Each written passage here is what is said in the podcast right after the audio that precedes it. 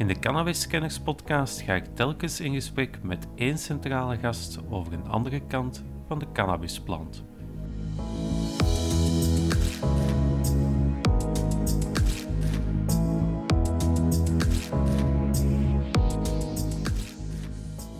Vooruit is er wel gewoon openlijk voorstander van nu. En dat moet ik wel iets heel interessants en ook een grote stap. En dat is dus effectief wel door de jongeren tewerkgesteld toen. Ik kijk daar eigenlijk heel optimistisch naar. Je kent al die lijstjes van in, die, in dat jaar hebben ze in dat land uh, vrouwenstemrecht gegeven, in dat jaar hebben ze daar abortus toegestaan.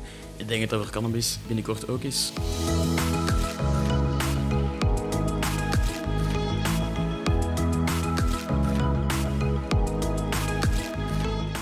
De gast in deze 31ste aflevering is Brein Belfra, nationaal bestuurslid van de Jong Socialisten.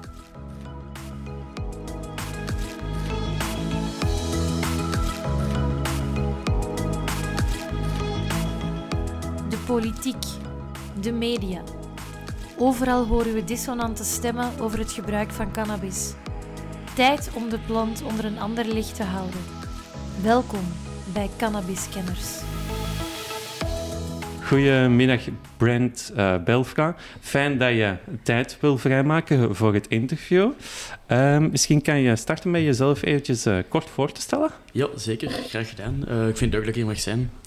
ik ben Brent. Ik studeer politieke wetenschappen aan de KU Leuven. en ik zit in het nationaal bestuur van Jong Socialisten sinds een jaar.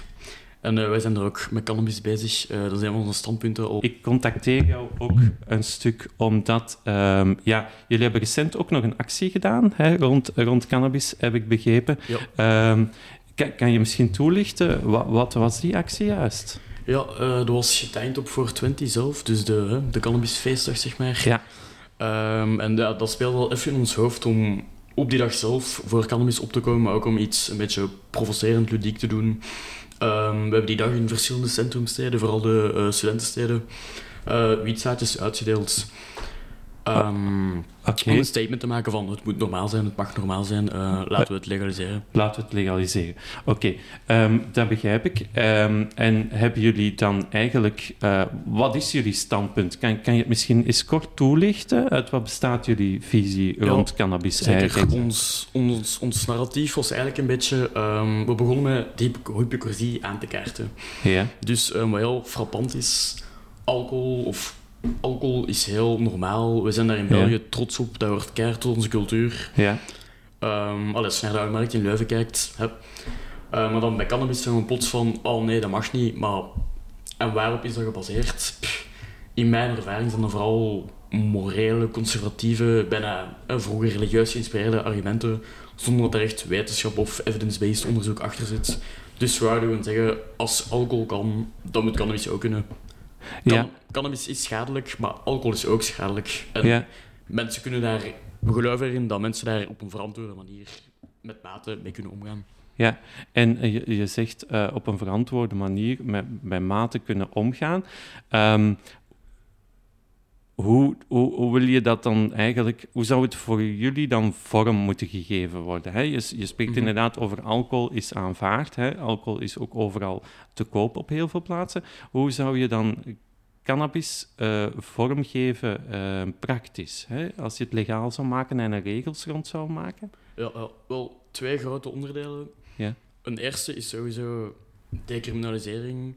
Um, dus nu behandelen we cannabis als een, echt een probleem van justitie, van de politie, maar dat is onzin. Mensen die daar te ver in gaan, wat bij alles bestaat, dat is een probleem van volksgezondheid. Um, dat in plaats van dat we jaar na jaar geld blijven steken in dat te bestrijden, de war on drugs in Antwerpen, daar gaat steeds meer geld naar, maar het, het, um, het gebruik blijft stijgen of, of daalt in ieder geval niet. Um, dus dat willen we gewoon decriminaliseren. Mensen moeten daar niet voor gestraft worden.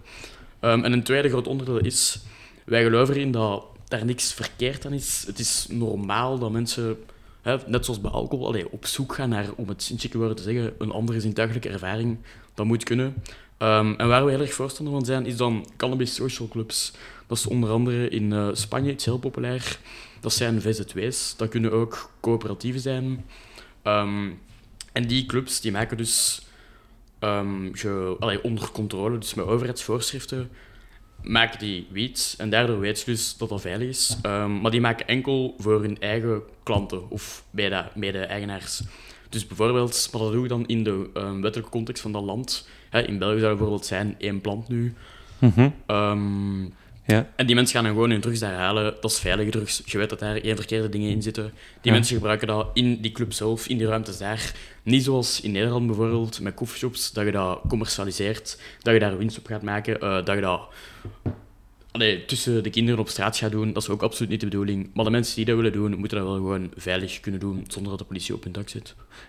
Om, je, je haalt zelf al het voorbeeld aan, hè, je spreekt daar inderdaad over één plant. Hè. Dat is een beetje die ministeriële richtlijn van begin jaren 2000, één Mhm. plant over 3 gram. Hè.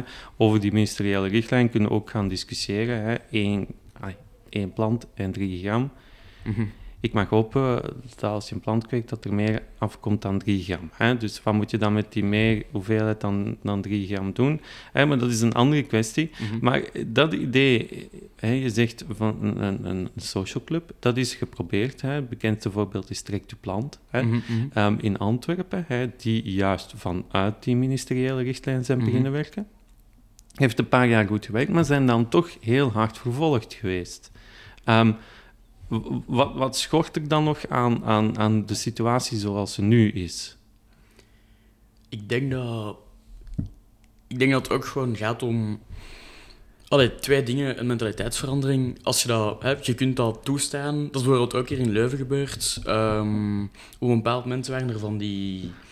eh, De CBD-shop. Ja, CBD-shops. Ja, Legaal was dat perfect toegestaan, hè? Maar Ja. de burgemeester was daar tegen en wou dat uit het straatbeeld. Ja, dat is geen objectieve politiek, hè? Allee, dus we moeten dat gewoon weghalen, dat dat, een, een, dat dat schandalig en crimineel is. We moeten dat accepteren. En ik denk dat je dan ook een beetje de goodwill van politici moet hebben. Eh, nu het verhaal van trek uw plant daar. Hè, volgens de media toen werd er dan meer geproduceerd dan één plant per persoon. Ja. Ehm, ik denk natuurlijk ook dat dat komt doordat je maar zo weinig van die shops hebt, dat iedereen daar op één ding zich neerstort. Ehm, als je dat veilig een beetje kunt verspreiden overal, eh, met de juiste regels, dan is dat allemaal perfect mogelijk, denk ik.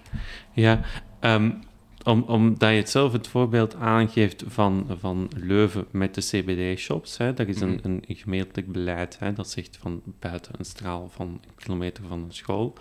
Mhm. Ja, ik kan natuurlijk al vragen stellen, dan kun je binnen de ring van Leuven eigenlijk al niets doen. Oh ja, daarnaast kan je de vraag stellen van, het is nog ineens eh, psychoactieve cannabis.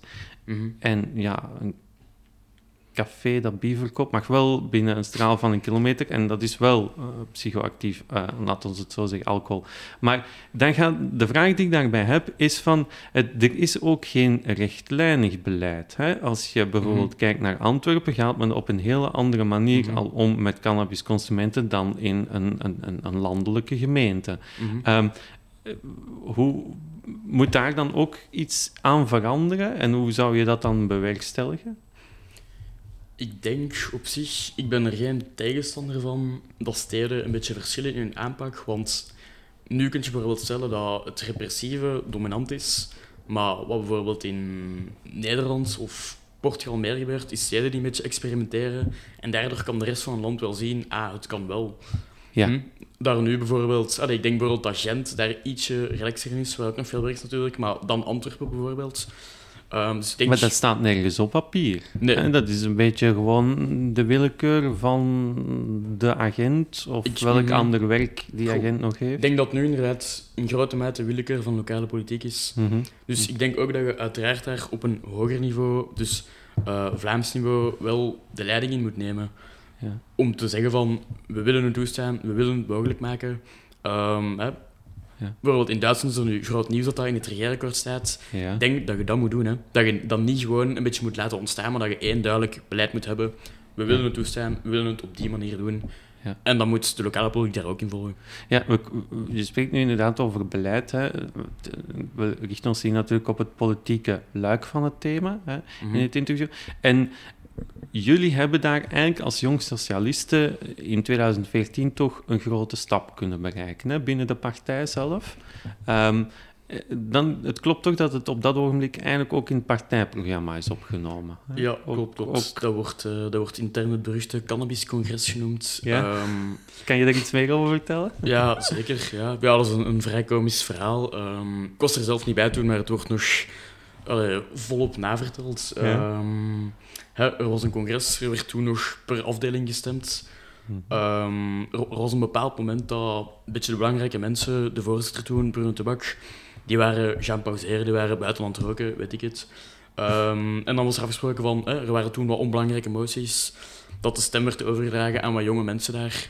Ja. Wat de, de moederpartij, of het gros van de mensen niet wist, was dat, we, dat de jonge socialisten hadden afgesproken om alle jongeren tegelijk aan bod te laten. Ehm, en toen is er gestemd pro-cannabis social clubs. Model. Ehm, toen is dat uitgebreid hè, in de media gekomen. Daar zijn wat socialistische politici boos om geweest. Ehm, wat wel positief is, die jongeren van toen, nu zijn die verkozen, sommigen in het parlement, bijvoorbeeld Maxime Wijs, die hier Ja. ook al eh, te gast is geweest, samen met Conor Rousseau ook, ehm, die zijn daar nu openlijk voorstander van. Mhm. Ehm, dus dat is wel een primeur een beetje, vind ik. Eh, vooruit is er wel gewoon openlijk voorstander van nu. En dat vind ik wel iets heel interessants en ook een grote stap. En dat is dus effectief wel door de jongeren te werk gesteld toen. Ik denk ook dat daar wel een grote rol voor jongeren zit.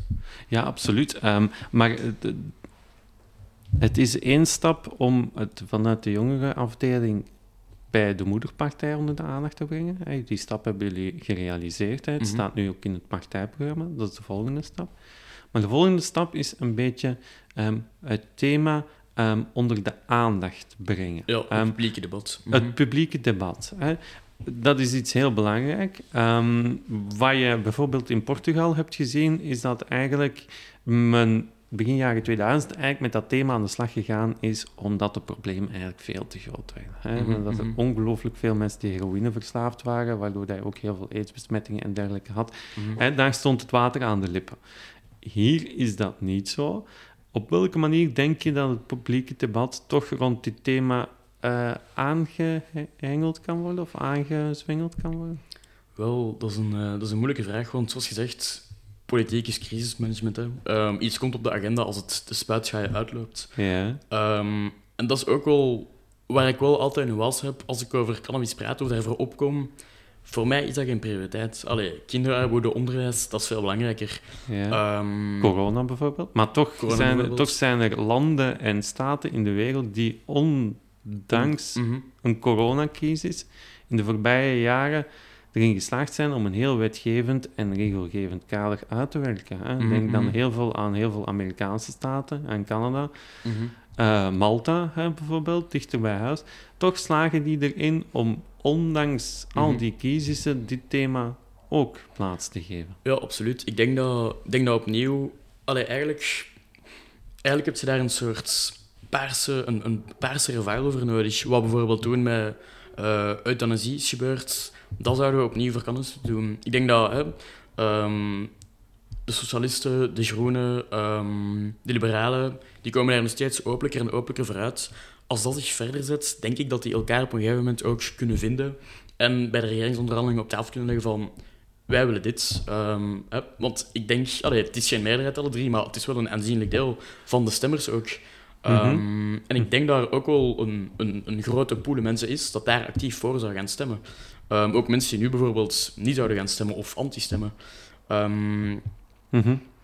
Ja, ehm, het, het, het- het thema op de agenda brengen, hè, dat, daar, daar zit hem het moeilijke. Hè. Je, je Mhm. geeft het zelf het voorbeeld aan van euthanasie. Een, een mooi recent voorbeeld is bijvoorbeeld eh, het decriminaliseren van prostitutie. Hè. Mhm. Prostitutie is misschien ook wel ja, een more- moreel beladen begrip. Hè. Je kan een mening hebben over prostitutie. En je haalt daar mhm. straks zelf ook al de kistelijke basis. Ik ga nu niet- zeggen dat dat bij alle partijen zo is, Mhm, hè, daar mhm. gaat het niet over. Maar het is een moreel thema, hè, net zoals abortus, euthanasie. Maar naar abortus, euthanasie, eh, prostitutie hebben we toch geleerd om daar met een realistischere blik naar te kijken. Waarom lukt dat dan niet bij het thema roesmiddel? ik denk dat... ehm, ik denk die genuanceerde blik, dat komt ook gewoon stap tot stap tot stand. Er moeten mensen er nu van weg, die conservatief naar kijken, moeten daar van weggetrokken worden. Uh, ik heb dat zelf al meegemaakt in de jongerenpartij bij ons.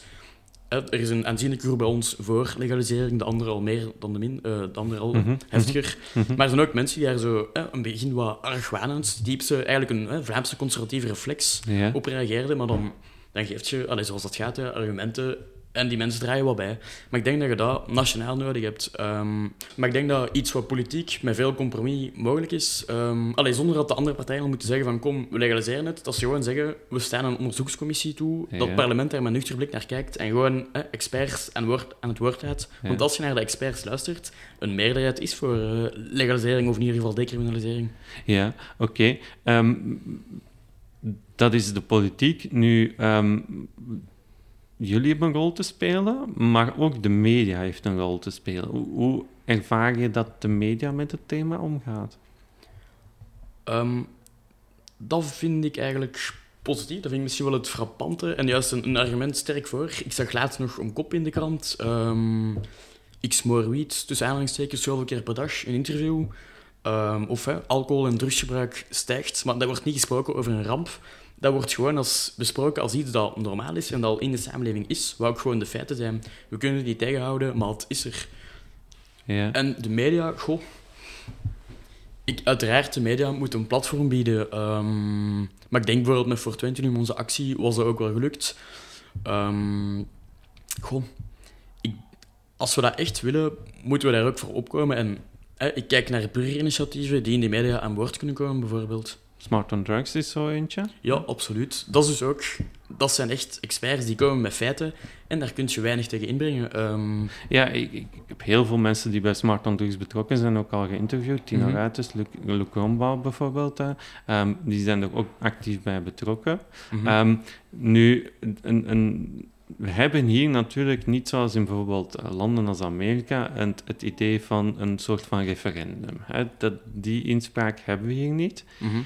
Maar dan stel ik me de vraag, wat weerhoudt, hè, want jullie partij hè, heeft het in het programma staan, wat weerhoudt een, een, een vooruit politicus om een wetsvoorstel in te dienen?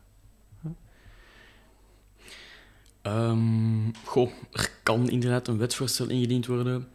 Hè, en dan maar... te gaan kijken van welke partijen hè, komen hier aan een meerderheid. Hè. Een partij als bijvoorbeeld, ja, ze zit nu niet in de regering, maar de PvdA Mhm. mm -hmm. hè, is eigenlijk ook voorstander hè, mm -hmm. om, om, om een decriminaliserend en regulerend kader in te dienen. Um, ja, dat is een beetje mijn vraag. Wat weerhoudt eigenlijk een politicus nu om daar een wetsvoorstel rond in te dienen? Ik, ik denk dat het gaat om haalbaarheid. Um, er, er worden, eh, zeker door allee, de traditionele partijen weinig voorstellingen gediend om gewoon te weten dat dat meteen weggestemd wordt. Ja.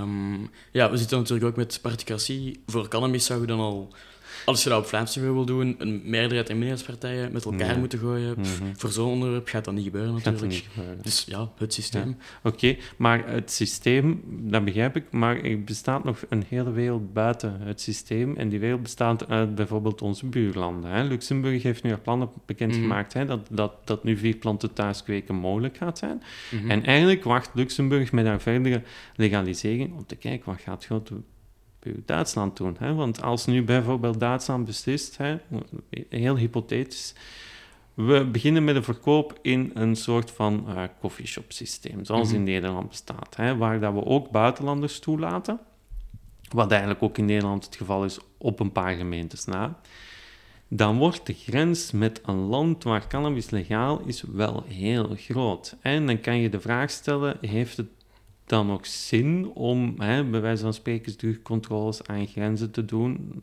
Je zet daar natuurlijk ook mankracht voor in.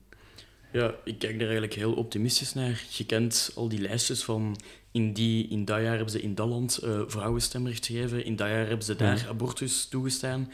Ik denk dat dat voor cannabis binnenkort ook is. Uh, Nee, dat een- een sneeuwbaleffect gaat zijn. Ja, een domino-effect, een sneeuwbaleffect. En dan moeten we ons afvragen, willen wij in België echt de laatste zijn? Want ik denk dat je er niet omheen kunt. Wij zijn op veel vlakken progressief, maar op drugsbeleid zijn wij oerconservatief. Uh, en dat is super jammer. Ja, want de vraag stelt zich, hè, zoals je zegt, gaan wij nu de laatste zijn? Hè? Op zijn Belgisch hebben we zitten al met heel veel regeringen, gemeenschappen, Mhm. gewesten. Hm? Het duurt sowieso al heel lang. gaan we dan niet ingehaald worden door de, rea- door de realiteit en heel snel iets moeten in elkaar steken om gewoon, ja, hè, ik zeg het soms ook, reclame bijvoorbeeld helpt, stopt niet meer aan grenzen. Hè. Of YouTube nu reclame van cannabis. ehm, de macht van, van politiek op dat vlak, op, op publieke evoluties of maatschappelijke evoluties, is misschien minder groot dan men denkt in de politiek. Ja, en dat, ja. Nou ja. Als iedereen, het rond, als iedereen rond ons het doet, gaat er inderdaad een moment komen dat we zeggen van, waar zijn we nog mee bezig? We kunnen Ja. het even goed ook doen. Nu, ja, ik hoop natuurlijk niet dat we in een situatie raken waar we eerst overspoeld worden met Ja. ja. alle politiemiddelen die we moeten besteden aan te veel drugscontrole enzovoort. Ja. Ik, allee, als, ik daar, als ik dat gewoon beschouw, denk ik dat we eerst een, een periode van nog meer ehm, Repressie? gedogen, gedoging gaan krijgen en dan gewoon een volledige legalisering. Ja, jullie standpunt hè, ligt natuurlijk heel hard, dat is ook logisch, hè, in de lijn van, van de moederpartij, want jullie hebben het een beetje doorgedrukt Ja, eigenlijk. zij liggen in onze lijnen. Ja, en voilà, liever. dat bedoel ik. Ehm, en zoals je zei, er zijn politici die daar niet tevreden mee waren. Bijvoorbeeld een Louis Tobak hè, was er Mhm, inderdaad mhm. niet zo heel positief over. Nu, de vraag, we hebben het al een beetje over gehad, de toekomst. Wat, wat zie jij als ehm, cruciale momenten in België? Gaan we moeten wachten tot de verkiezingen 2024 en wordt het dan op de agenda gebracht? Of gaan jullie dan proberen het op de agenda te brengen? Ik denk dat... Ik kijk eigenlijk, wat we het er net ook al over hadden, met veel nieuwsgierigheid naar wat er in Duitsland Mhm. gaat gebeuren, onder andere in Luxemburg enzovoort. Ehm, Mhm. Als we daar iets positiefs zien, dan vind ik dat we hier geen reden meer hebben om te zeggen dat we dat niet meer gaan doen. Ja, stel nu dat men in Duitsland inderdaad zou zeggen: oké, we stellen de cannabismarkt open, we gaan het openstellen ook voor toeristen. Is dat dan voor jou een, een situatie waarin dat we moeten zeggen van oké, nu moeten we er wel iets mee doen? Ja, weet je, op zich is dat nu ook in Nederland zo. Hè. Daar zijn wat regels om toeristen tegen te houden, maar iedereen weet, in de praktijk is dat nauwelijks. Wij kunnen nu ook gewoon een, hè, minder dan een uur zitten we op de trein en Ja, we hebben dus- onze drugs vast. Hè. Ja, inderdaad. Dus pff, de situatie bestaat in principe al, hè. maar Duitsland is wel een groot land, Mhm. ons buurland, Mhm. Een grote economie. voilà, hè? toonaanloper in de EU. Ja. Dus ik vind dat een heel, als het daar goed loopt, waar ik vertrouwen in heb, dan is dat een heel krachtig voorbeeld om ons te zeggen, kom, we gaan dat ook doen. Mhm. Ehm, en het staat dus in het partijprogramma van Vooruit nu. Nee. Nog niet zo lang, dus ik kijk daar optimistisch naar. Ehm hè, Jeroen is blijkbaar ook aan een ehm, Ja. standpuntbepaling bezig Mhm. daarover. Ik, ik, ja, wij kunnen ons spiegelen aan de landen rond ons. En ik denk dat in 2024, dat gaat geen hot topic zijn, dat gaat geen main issue zijn. Dat moet ook niet, er zijn grote problemen. Mhm. Maar politiek kan veel dingen tegelijk doen. Ehm, dat mag zeker op tafel komen. En ehm, voor mij moet, dan, moet daar niet onmiddellijk staan, we legaliseren het, boem, baf. Maar zoals ehm Duitsland heeft gedaan, hè, we onderzoeken het, we kijken ernaar, dat dat uitgewerkt wordt. Mhm. En in alle sereniteit, rust, maar ook hè, dus argumenten, ehm, gaan we dat realiseren. Met, met alle respect, Louis de Bak, voor wat hij ook bereikt heeft, maar dat is de oude garde, betreft zulke standpunten.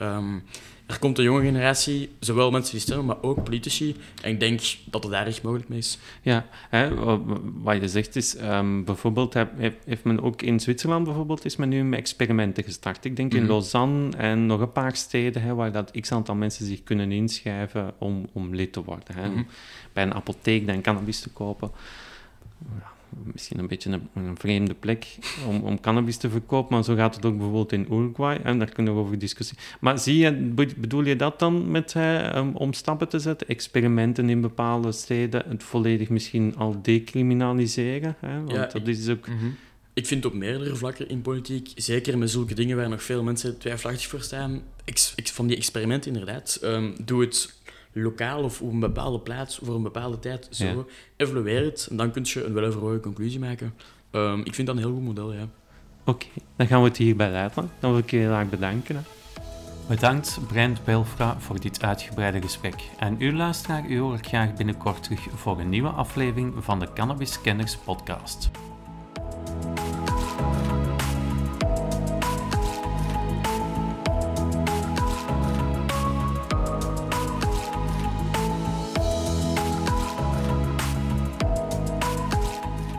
Voor meer podcast ga naar www.cannabiskenners.be of voeg Cannabiskenners toe in je favoriete podcast-app. Heb je een vraag of wil je graag iets delen? Mail dan naar info.cannabiskenners.be.